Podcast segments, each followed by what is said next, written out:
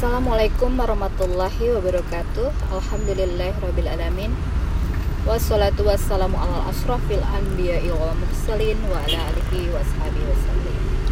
Auzubillahi minasyaitonirrajim. Bismillahirrahmanirrahim. Assalamualaikum ya Rasulullah. Assalamualaikum ya Habibullah. Saat ini aku mau berbagi tentang pengalamanku kemarin. Seharian penuh mengelilingi histori sejarah dari kota Bogor.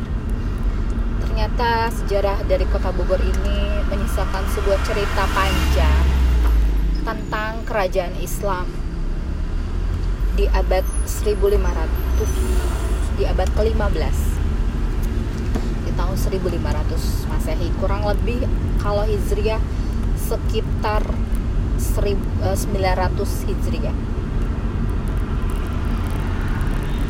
dari beberapa cerita yang melatar belakangi sejarah berdirinya kota Bogor berlanjut kepada ada istana di tengah kota Bogor yang berubah dari awalnya istana Pakuan Pajajaran menjadi hutan. Hutan dengan kurang lebih sekitar 87 hektar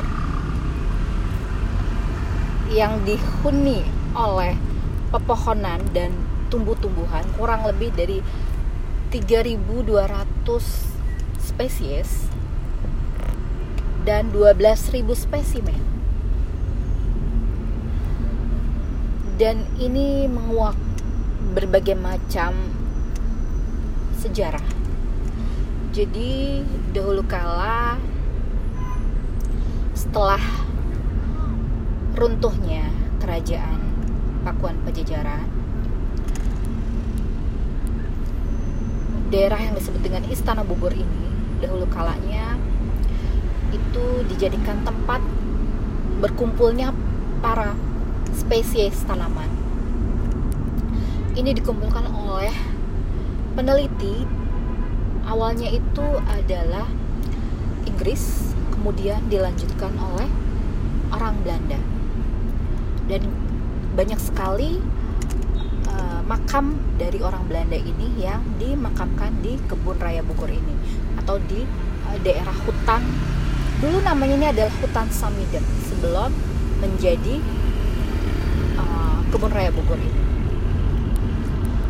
Jadi hutan Samida ini yang sangat masih asli dalam arti di sini tanamannya tidak ada yang dirubah dari zaman dahulu kala dari jauh sebelum kolonial Belanda menduduki istana Bogor ini itu memang sudah ada yang namanya hutan Samida ini. Dan di sana juga kami mendapati beberapa makam. Jadi ada makam um, Ratu Galuh almarhumah Ratu Galuh ada panglima kerajaan yaitu disebut dengan Jepra dan ada syekh lagi di situ. Uh, jadi ada beberapa makam muslim yang berada di situ. Dan ada juga makam kolonial Belanda yang berisi semua orang-orang asli dari Belanda yang melakukan uh, banyak kegiatan di dalam kebun raya ini dari satu pemakaman yang kami uh, ulik sejarahnya jadi pada tahun 1800 terjadi sebuah wabah.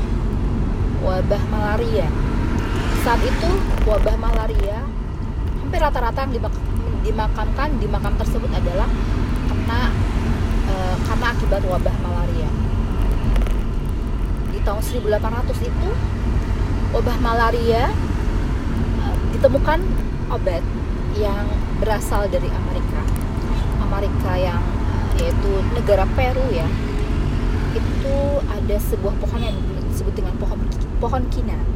Pohon kina ini berfungsi untuk mengobati tapi tidak juga hanya untuk malaria. Ternyata berbagai macam fungsi pohon kina ini yang sekarang disebut dengan uh, color uh, queen ya yang di, uh, diproduksi oleh PT Kimia Farma sebagai obat anti COVID-19 ini. dan gejala malaria ini sama hampir sama dengan uh, COVID-19 ini ada demam ada juga mengandung uh, autoimunnya kemudian badan terasa pegal-pegal sama mirip sekali dengan penyakit uh, COVID-19 ini dan memang dipergunakan sudah di, di berbagai negara sebagai uh, obat untuk menyembuhkan COVID-19 ini.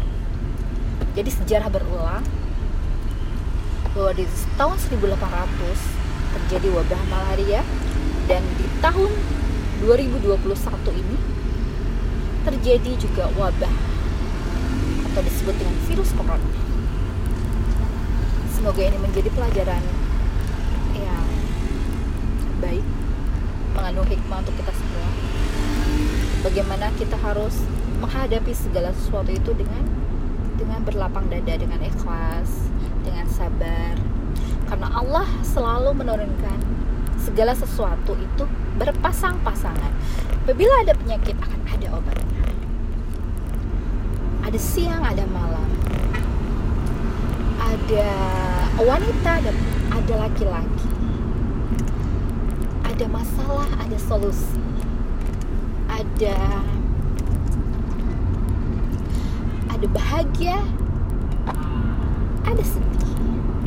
Semua berpasang-pasangan ada dosa ada juga pahala. Jadi Allah telah